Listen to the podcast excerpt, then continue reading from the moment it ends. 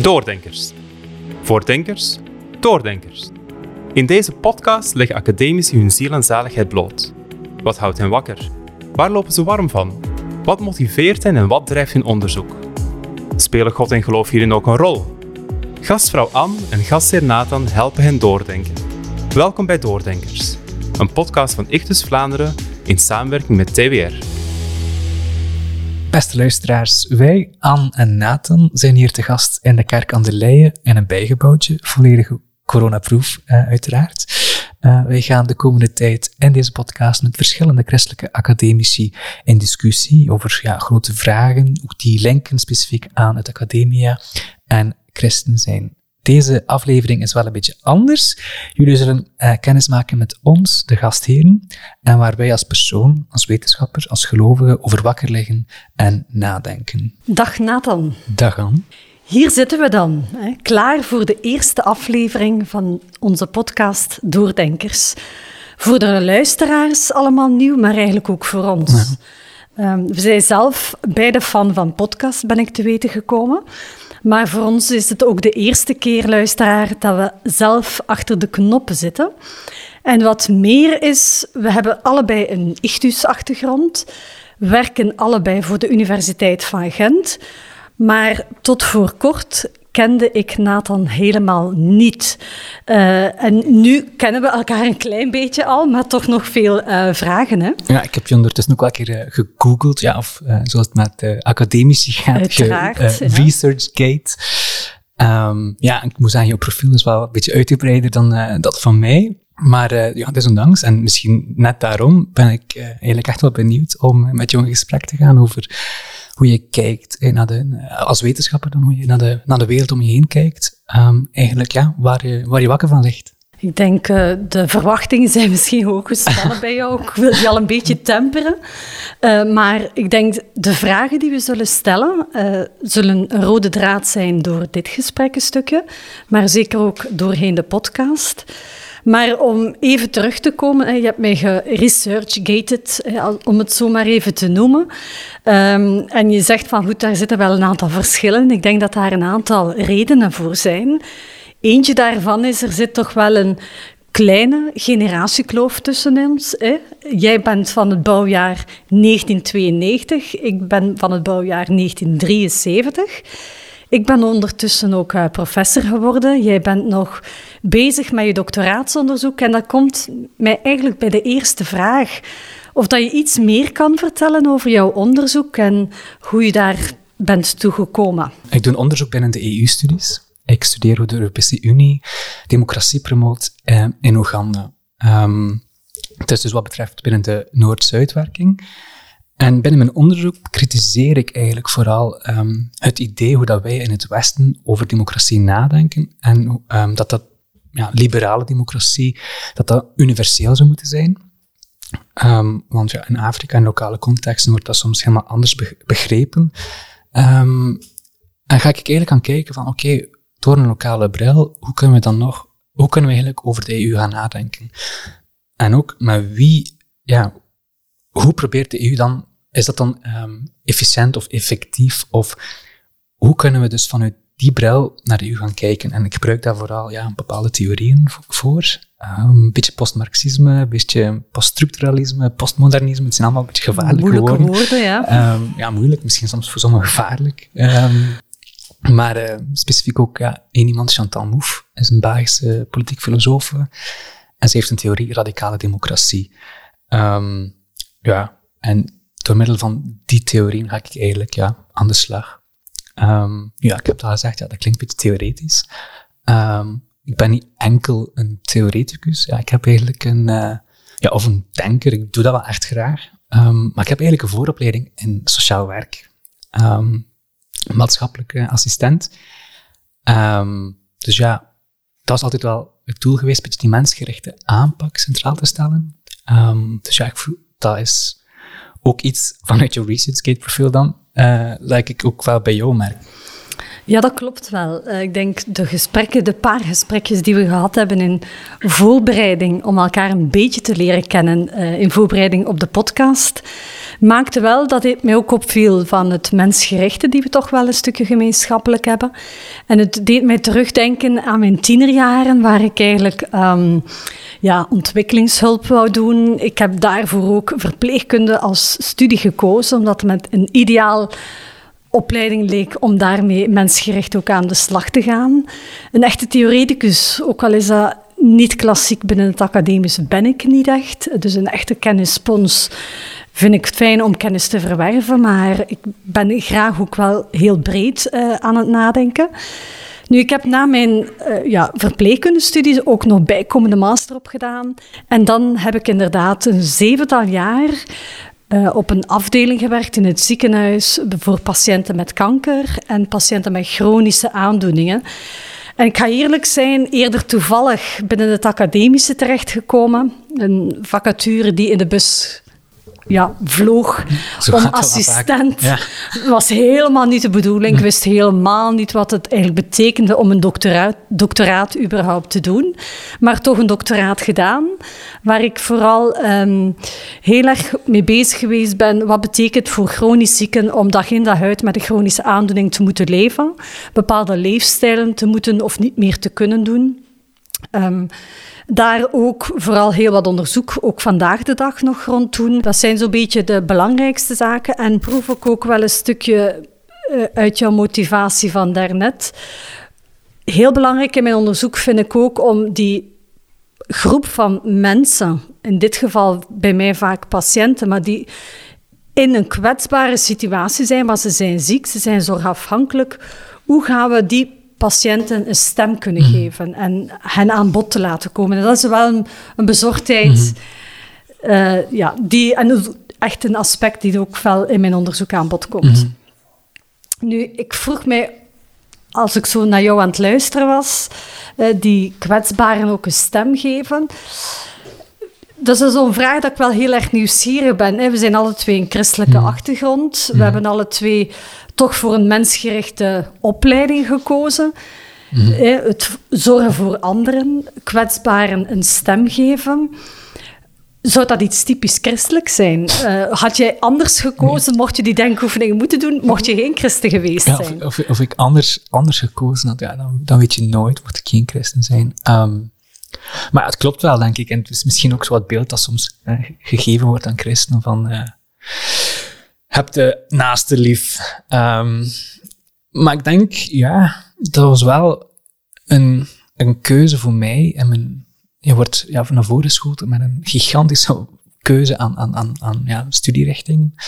Um, en ik denk wel dat mijn opvoeding, en mijn christelijke opvoeding, christelijke achtergrond, daar wel een enorme rol bij heeft gespeeld. Um, sociaal werk, ja. Um, en specifiek daarbij is denk ik ja, het concept of het woord uh, dienstbaarheid.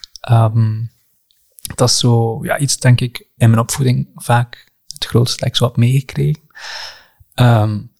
Sowieso, als ik rapporten kreeg of zo, de, het werd niet zo heel veel nadruk gelegd op slechte punten. Ja, prijs u gelukkig. maar overwege als ik mijn slechte attitudepunt naar, naar, naar, naar huis kwam, um, dat was zo, dat was ja, altijd het, hetgene dat, dat echt belangrijk was. En um, ja, dus het, het, het juiste doen. Um, ja. Um, kan je misschien iets meer vertellen? Eh, ik ben nu getriggerd door jouw achtergrond. In welke gezinscontext uh, ja, ik ben, um, kom jij?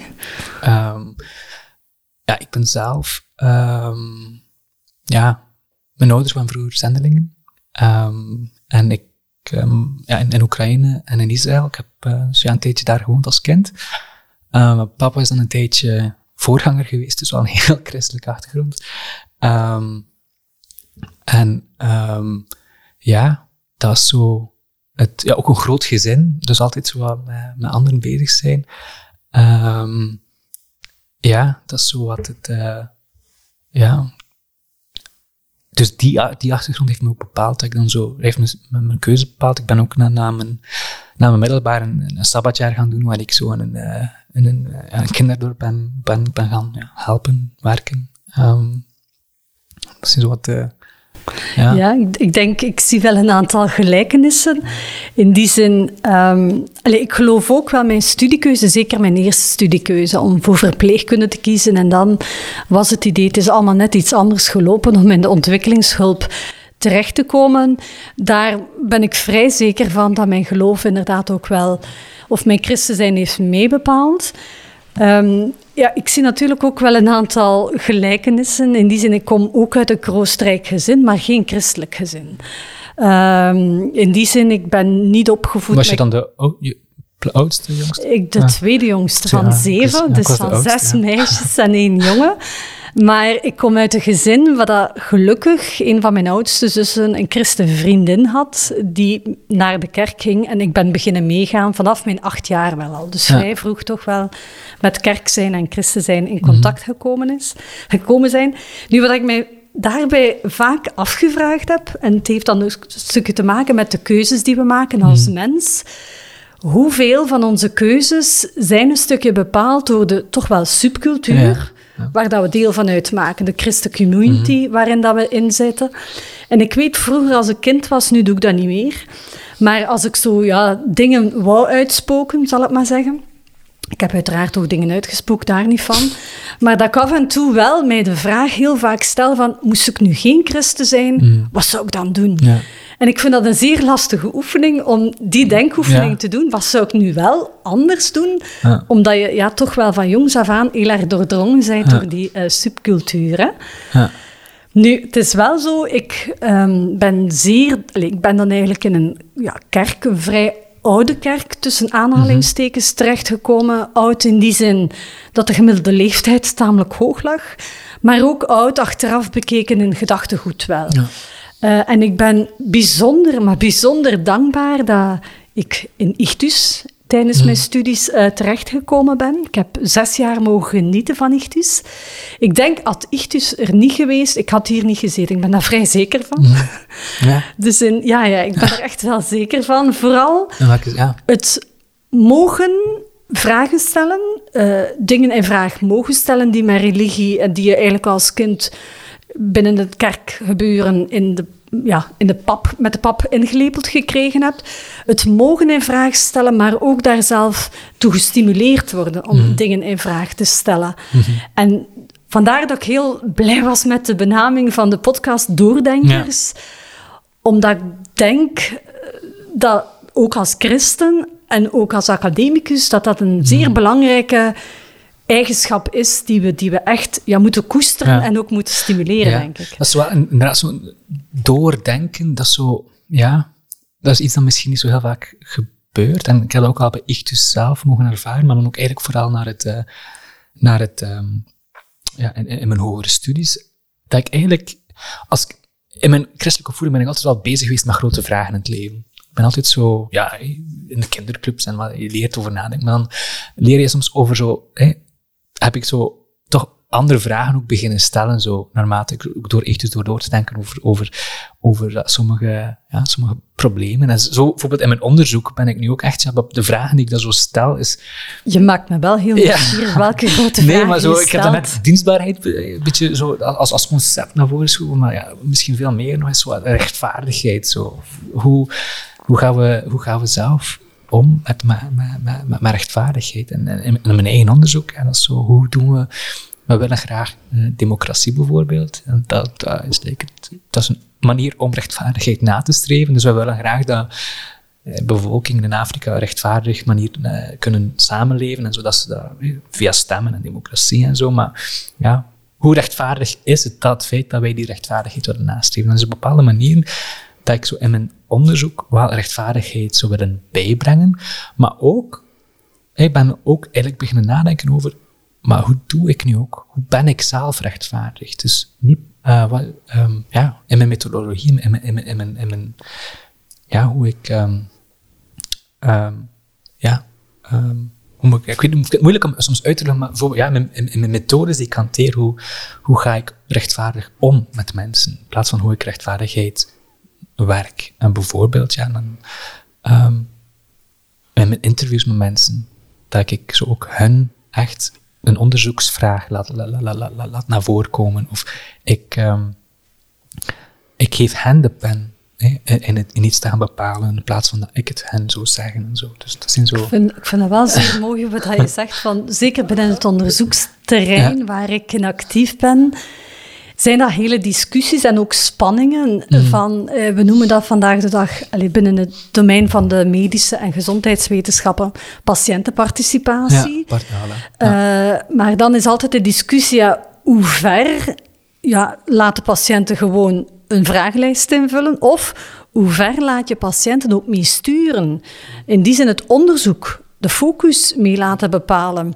Patiënten die zelf op een gegeven moment ook mee onderzoeker zijn. En voor mijzelf vind ik dat ehm, ja, soms wel een uitdaging. eh, op welke manier zorg je ervoor dat het niet alleen, eh, ik, en ik noem dat dan schijnparticipatie is, hè, patiënten die gevraagd worden voor van alles en nog wat.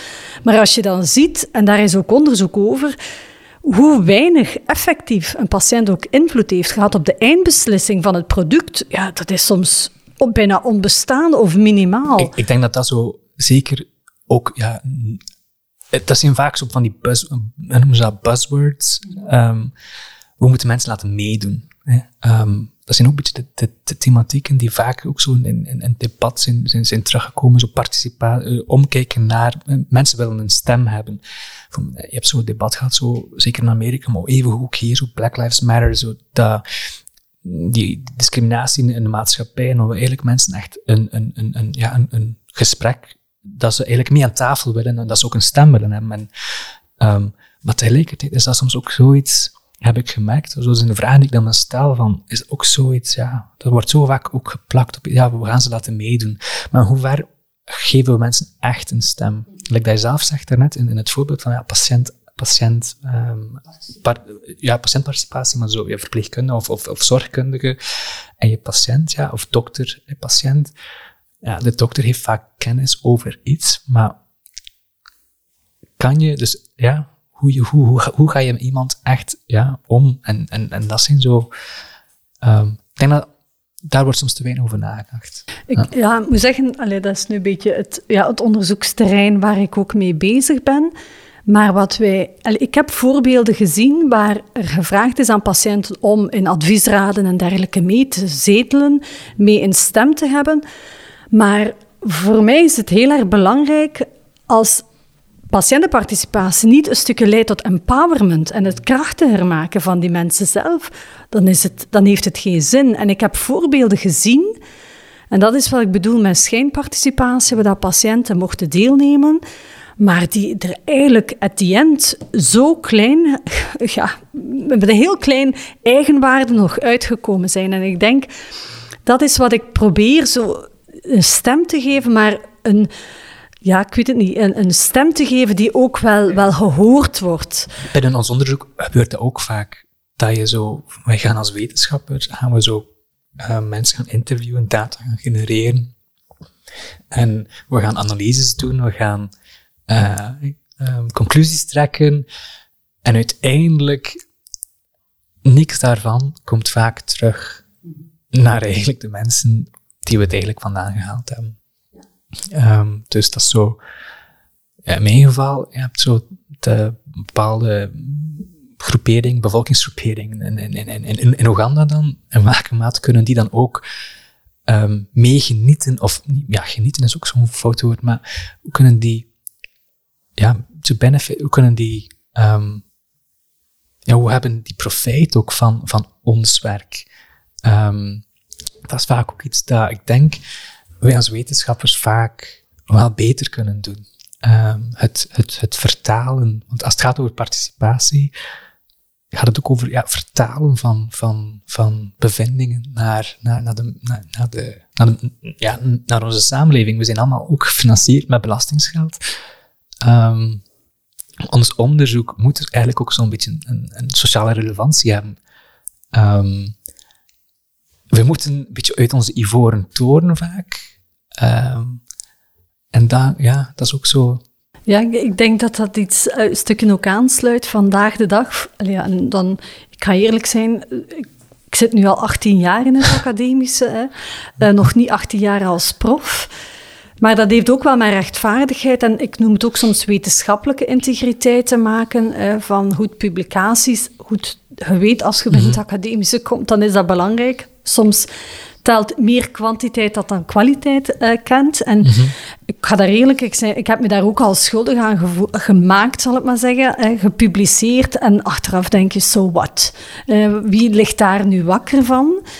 Ik vind wel, vandaag de dag zie ik ook in mijn onderzoeksterrein, ook binnen onze faculteit, toch wel en dat sluit aan bij wat jij zegt, zo het belang van de societal impact mhm. van dat wat we gaan doen. En dan kom je een stukje op het thema van maatschappelijke relevantie, mhm. wat ik zelf ook een bijzondere grote uitdaging vind, om mhm.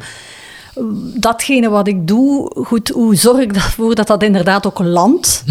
Uh, dat dat niet zomaar uh, een of zoveelste publicatie is, maar dat dat iets kan teweegbrengen, iets kan wijzigen, mhm. bij mij in mijn geval dan binnen de gezondheidszorgsetting waar mijn onderzoek voor bedoeld is. Hè. Mhm.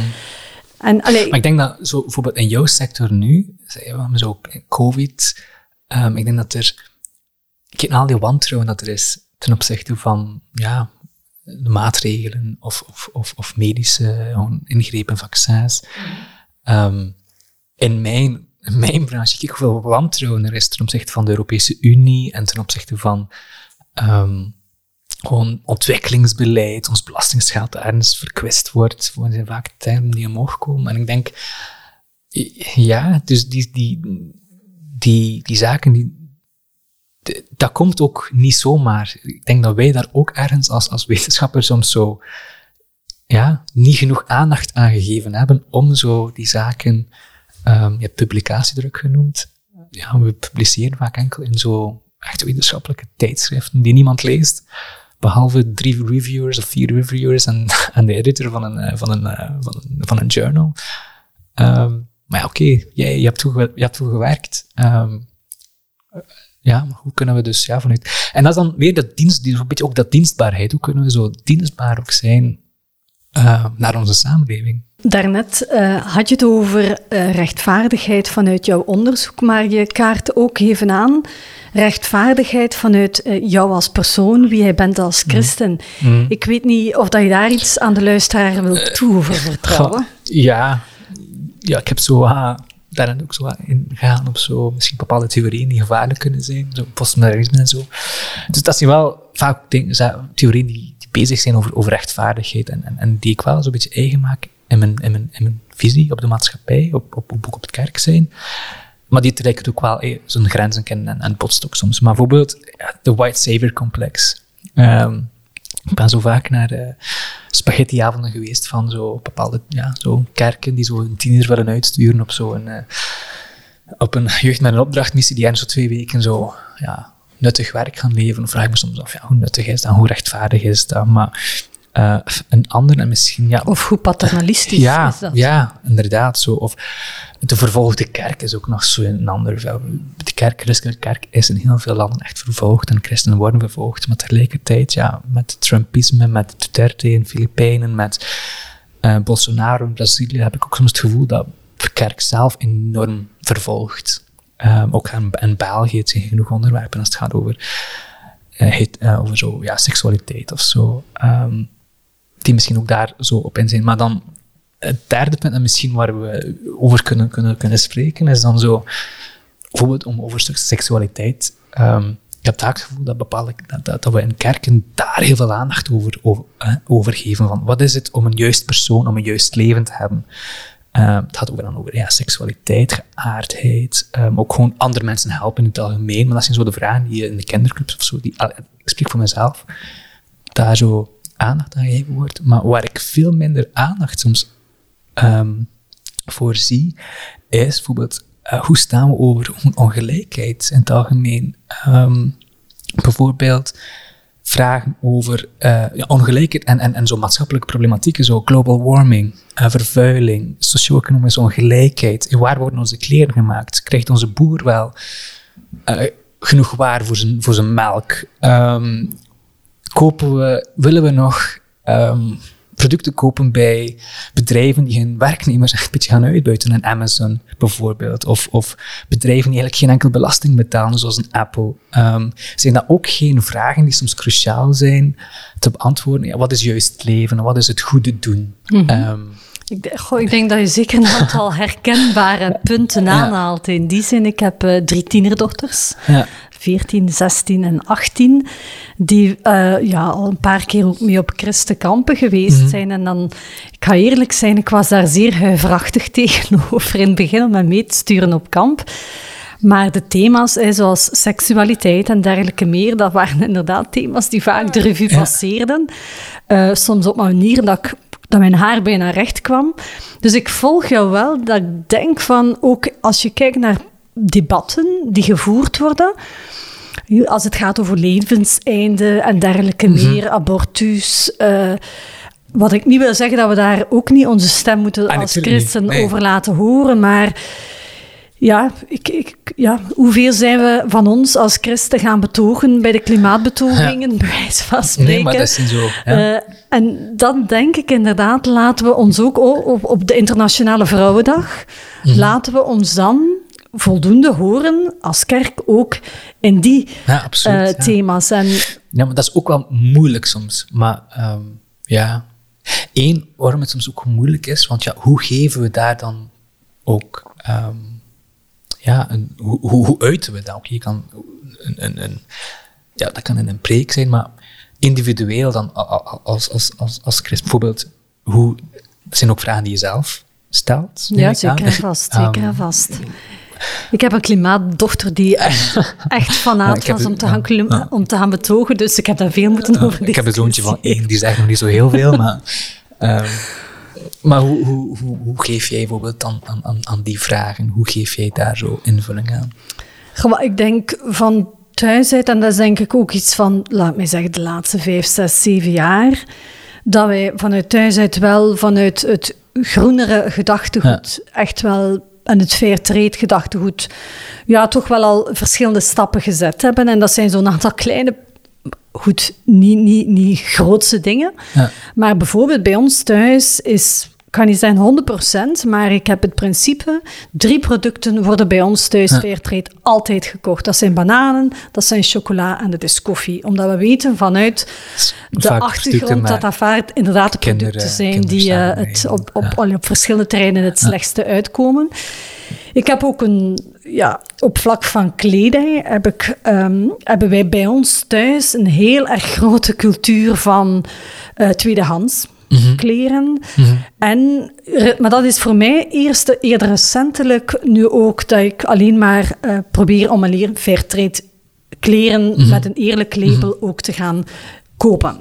Ik koop gelukkig niet veel, want dat is doorgaans ook een stukje duurder. Dus tegelijkertijd besef ik wel en ben ik altijd heel voorzichtig als andere mensen dat niet doen, om daar een oordeel over te Ja. vellen. Ehm, maar dat zijn allee, zo een aantal kleine zaken ja, op milieu, op eh, eerlijke handel, eh, lokale producten. We hebben een abonnement bij de Wassende Maan, Ja, ja, waar dat we onze ja. lokale Ja. eh, producten kopen. Ja, ja. Ik ga heel regelmatig in een winkel gaan kopen dat die geen plastic heeft. Wat, Gent is daar ook zo wel echt een... een, een ja, het is misschien ook om- het is een stad sowieso. Ik denk dat dat ook misschien makkelijker is. Dan, je hebt dan meer mogelijkheden toe dan, ehm, ja, dan misschien meer eh, op het platteland. platteland ja. Meer, minder stedelijke omgeving. En ook, ik denk, ah ja, ehm, wij zijn misschien ook meer bevoorrecht eh, do- door onze positie. Ook, ja, die zaken kosten ook vaak geld. Ja, klopt. Ehm, ja. om zo volledig bio of te gaan of volledig lokale producten te gaan of zo kleren te gaan kopen die enkel in, in Europa gemaakt zijn. Ehm, dat zijn zo eh, zaken. En, je hebt daarnet zo'n beetje vernoemd, eh, om zo geen ja, mensen niet te gaan beoordelen die, die, die dat eigenlijk niet doen. Eh, maar tegelijkertijd heb ik ook wel soms het gevoel dat ik zo vaak wel een beetje ja, beoordeeld word omwille van de zaken die ik dan wel, om- omdat ik ze doe. Eh, ik herinner me zo, ja, ik heb mijn, mijn zoontje heb ik een dubbele achternaam gegeven. Dat is nu eh, niet echt populair voor onze standaard. Het dat is heel weinig, het is nog niet echt eh, gebruikelijk. Maar ik heb dat dus wel gedaan, ook omdat ik dacht van, kijk, dat is wel, ik vind dat belangrijk, dat, dat, mijn zoontje twee namen heeft. Het is een product van ons twee. En, en om zo eigenlijk een beetje die patriarchale systeem te doorbreken, dat was voor mij een, bewuste keuze. Maar dat was tegelijkertijd ook iets bijvoorbeeld bij mijn eigen familie. Dat, zo langs ja, dat is mijn familienaam. Dat is zoiets dat niet echt doorgegeven. Dat werd zo, ja, een beetje wel argwanig naar gekeken. Of het, is weer zo, het is zo speciaal. Het is weer, een, is maar een, is een actie. Het is weer zo om een beetje op te vallen of zo. Dat is zo vaak de, de dingen die ik dan krijg. Dus ja, die ja, spanning. Um, ja. Uh, hoe, ja, hoe gaan we daarmee om? Omdat je zegt van, ja, ik, ik uh, beoordeel niet. Ik, ik moet soms wel een beetje opletten dat ik zo zelf niet zo het, woke ben, dat is een beetje een woord. Of dat ik zo cancel culture wordt ook soms vaak genoemd van, oh, je doet daar niet aan mee. Ik ben zo'n moraalridder aan het worden van, kijk, ik doe dit, dit, dit, dit. Ik ben, ik herinner ik ben ooit naar zo'n conferentie geweest in Duitsland uh, over zo ontwikkelingswerk. En ik heb er, je hebt links mensen, je hebt echt links-progressieve mensen, maar daar heb ik echt re revolutionairen uh, ontdekt, die zichzelf uh, zo noemen, die echt gewoon, je kon niet, je kon niet voor het ene zijn en niet voor het andere. Als je, je moest vegan zijn, je moest echt op alles. Je kon, anders was je onvolledig. En, en, en ja. mij. Dus ik snap ook dat veel mensen, als ik zeg al dat ik al zo'n klein beetje zo, ja, zo ben, dat, dat zij zo reageren. En tegelijkertijd moet ik ook voor mezelf pletten van, ja, oké, ik snap, ja, ik, ik vind dat je wel zo ook dat zou moeten doen, maar ik ga het niet opdringen. Dat is zo, ja, die spanning daar, daarin. Ik denk spanning, maar ik ben zelf, en dat heeft natuurlijk ook te maken vanuit mijn onderzoek, werk ik heel vaak met interviews en mm dialoog gaan met mensen. Ik probeer, ik maak me daar uiteraard ook soms schuldig aan, maar ik probeer wel als ik mensen tegenkom die anders zijn dan mij, anders denken dan mij, mhm. om daar heel erg in dialoog mee te gaan. En vanuit een bevragende, mhm. open houding te gaan vragen van wat maakt dat jij zo mhm. denkt of waarom doe je dat? Of, En ik merk bij mijzelf dat dat um, heel erg verhelderend kan werken, heel erg verbindend kan werken. Ook om het levensverhaal van mensen uh, te beluisteren van, van waaruit komen bepaalde ideeën, van waar, waaruit komen bepaalde percepties.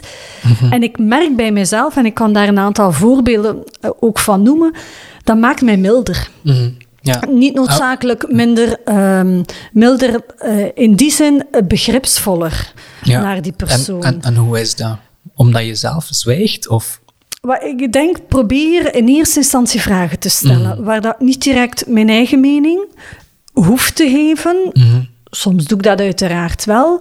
Maar ik merk bij mijzelf, het vergt uh, energie, aandacht om heel erg open te bevragen en mhm. echt te luisteren en mhm. tijd te nemen voor mensen. Zeker vandaag de dag, dat er vaak geen tijd is.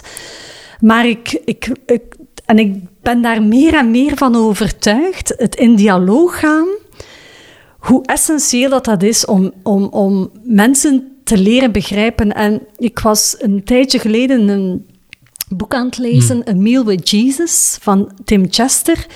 En dat heeft mij zo aangegrepen van het samen eten. Mm. Je zit aan tafel, dan moet je babbelen met elkaar, mm. anders is dat eigenlijk niet zo tof. Maar als je meermaals met mensen aan tafel zit...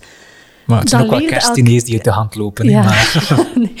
maar in die zin, als je met ook anders, mensen die anders denken dan jou, maar je, zit, je zit, neemt daar samen bij wijze van spreken de maaltijd mee. Hoe, ja, hoe verrijkend, hoe verbindend dat, dat kan werken. En als je ziet, na we dat Jezus kwam drinkend en etend, mm. kwam hij in de wereld bij wijze van spreken. Heeft hij ook zo een deel van zijn boodschap gebracht, met zeer veel drinken en eten samen met mensen. En ik denk van, Jezus heeft heel veel gebabbeld met mensen, heel veel geluisterd naar mensen. Zo'n zo, zo, zo een Vlaming kunnen zijn, eten en drinken, maar misschien wij Vlamingen, die, ik weet niet of je daar zo altijd open voor staan om zo echt open te zijn naar andere mensen toe. Ja, om te, echt te gaan luisteren. Maar, ja. ja ik denk dat dat, dat, dat vergt uh, energie en dat vergt uh, bewustzijn van. Hè? Uh, maar ik denk het in dialoog gaan en het beluisteren van levensverhalen, ik denk dat dat, ik weet mm. niet, dat dat ons milder kan maken en mm. verbindend, heel erg verbindend kan werken, denk ik. Nee, ik, ik, ik, ik snap, ja. Ik, ik volg je daar wel in. Um, maar ja, ja, ja, gewoon omdat je, ik heb misschien daarnet gezegd, omdat je misschien ook even gedwongen wordt om zelf niets te zeggen. Omdat mhm. je zo de andere keer laat praten en, en, en dat je zo ja, je moet natuurlijk ook wel willen luisteren. En je, wilt niet, je, wilt, je moet ook de ander niet zo in jouw referentiekader dwingen. Um, maar tegelijkertijd ja, kan je in dialoog gaan met iedereen. Um, ja, je geeft ook ja, mensen die echt, echt jou, ja, die fundamenteel tegen, of jou, jouw visie tegenstellen, die geef je dan ook niet geen legitimiteit als je met die mensen in dialoog gaat. Um, maar ja, het, is, het zijn zo vragen die ja, misschien. Gewoon ook weer dialoog, dat is ook weer zo'n mooi woord. Mm -hmm. We moeten luisteren naar mensen. We moeten zo. Ja, een beetje geitenvollig sokkig zo. Um, maar misschien is dat zeker een mooi thema voor een van de volgende podcasts. Ja, het, ja, het beluisteren van verhalen dan. Ja. Want ja, zo, wat ik eigenlijk naartoe, naartoe wil, denk ik, is zo'n zo dialoog. Dat is, dat is ook gewoon echt niet makkelijk. Mm -hmm. um, niet voor zo, ja, niet voor jezelf, maar ook soms eigenlijk ja, voor, voor de ander. Um, en, en dat, is, dat is relationeel. Ja, vaak heb je, want daarnet een beetje gehad over zo'n spanningsveld. Ja, ik die uh, wasbaaier koop voor mijn, voor, mijn, voor mijn zoontje, terwijl iemand anders die dat niet doet, moet ik daarin. Uh, dat kan zo, ja, dat nu niet, maar in principe, dat, kan zo, dat is wel iets relationeels. Maar we hebben daar ook zo zelf een beetje zitten praten over onze interne spanningsvelden. Dus dialoog neemt soms je interne spanningsveld niet mm -hmm. weg van um, hoe ja, een dialoog gaan kan zelfs die, dat interne spanningsveld vergroten, want iemand kan jou echt wel gaan overtuigen en dat is goed. Kan je anders doen nadenken, maar tegelijkertijd gaat het dus intern verder ja, vergroten. En zo, dus het, het, het spanningsveld dan specifiek echt nog zo ja, tussen, tussen wetenschapper en, en, en, en ja, een christen zijn. Maar juist daar denk ik, door in dialoog te gaan, en uiteraard, hè, mm. en zeker als je dan met andersdenkenden in mm. dialoog gaat, ja, dan begint er hier van mm. boven allerlei dingen te worden uitgedaagd om dat mee in overweging ja. te pakken. En dat heeft heel veel onrust, maar tegelijkertijd kan het in, ook wel groei betekenen. Maar ik ga je misschien een, een voorbeeld geven. Um, uh, het spanningsveld dat, dat, dat bij mij vaak speelt, zo intern. Als, als kind ben ik... we hebben nog niet echt uh, over bepaalde bijbelversen bij betrokken. Ik denk dat dat niet nodig is, maar zijn zo, ik denk er zo aan. Het zijn zo twee versen die bij mij zo een beetje dat spanningsveld enorm vertalen. Eén, als kind heb ik vaak gehoord, en ik weet zelfs niet eens waar het meer staat in de Bijbel, maar vaak hoort je bent, niet, je bent eh, in de wereld, niet van de wereld. Dat was vaak een, idee dat bij mij bij terugkwam. En het tweede is, ja, je moet als, om het koninkrijk van God binnen te komen, moet je als een kind nadenken. Zo, als je geen kind, dan denk ik, ja, daar sta ik dan. Als wetenschapper die denkt met in termen van de wereld, zo ratio, of ja, noem ik mezelf een kind. En, en, en, en het spanningsveld is één. Ik vind, dus ja, um, ben ik zelf een kind. Ik wil niet echt een kind zijn. Ik ben wel, ik vind ik wel bepaalde, ik ben wel, um, ik vind die theorieën of nadenken, echt fundamenteel nadenken over zaken enorm, ja, interessant. Ik wil ook gerust echt wel van de wereld zijn.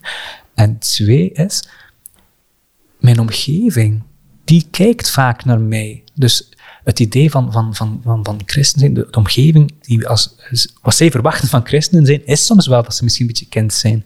Of dat ze niet van de wereld zijn. de zaken die vaak in het nieuws komen en zo.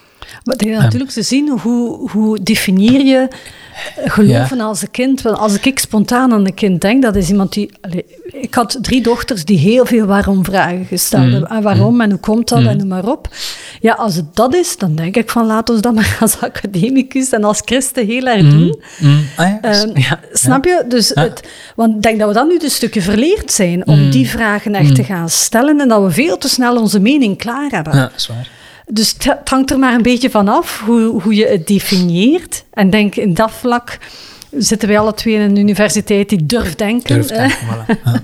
Als, ja. Uh, weißt, weißt, God is een aardbei, dat is zo ja, een van de... Klopt. Dat was de... Ja, denk er maar over. Ik vond het niet de sterkste, maar goed, nee, dat was nee. inderdaad eentje. Um, ja, ik...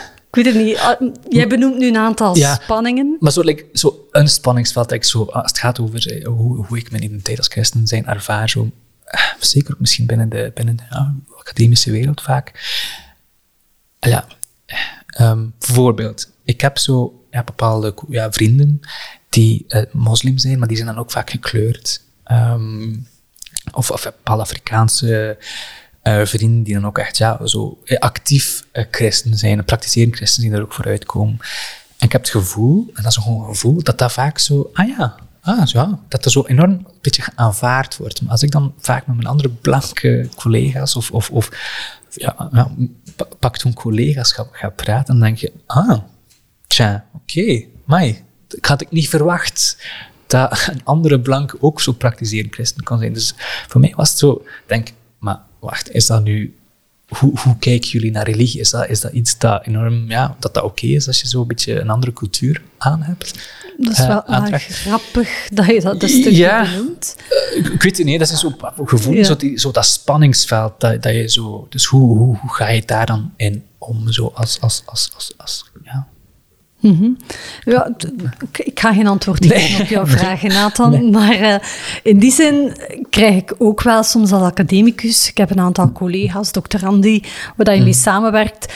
Niet dat dat dagelijks over Christen zijn gaat, zeker en vast niet, maar het gebeurt wel. Hè. Als je optrekt met iemand zes jaar, dat je ook dergelijke thema's bespreekt. En ik vond het wel grappig, een kleine anekdote misschien. Uh, iemand die ja, die ik vertelde van goed dat ik christen was en dat ik eh, dat wekelijks naar de kerk ga en uh, een beetje meer vertelde hoe belangrijk dat, dat voor mij was, die dat heel verbazend vond.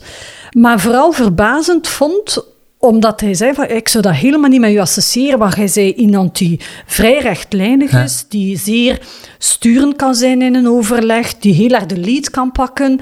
Dus snapte, ik dacht van, wat beeld heeft die persoon? Dat was een collega-prof van een christen zijn. Ja, is zo, uh, zo, het leek mij zo'n beetje een beeld van een softie, zal ik maar zeggen.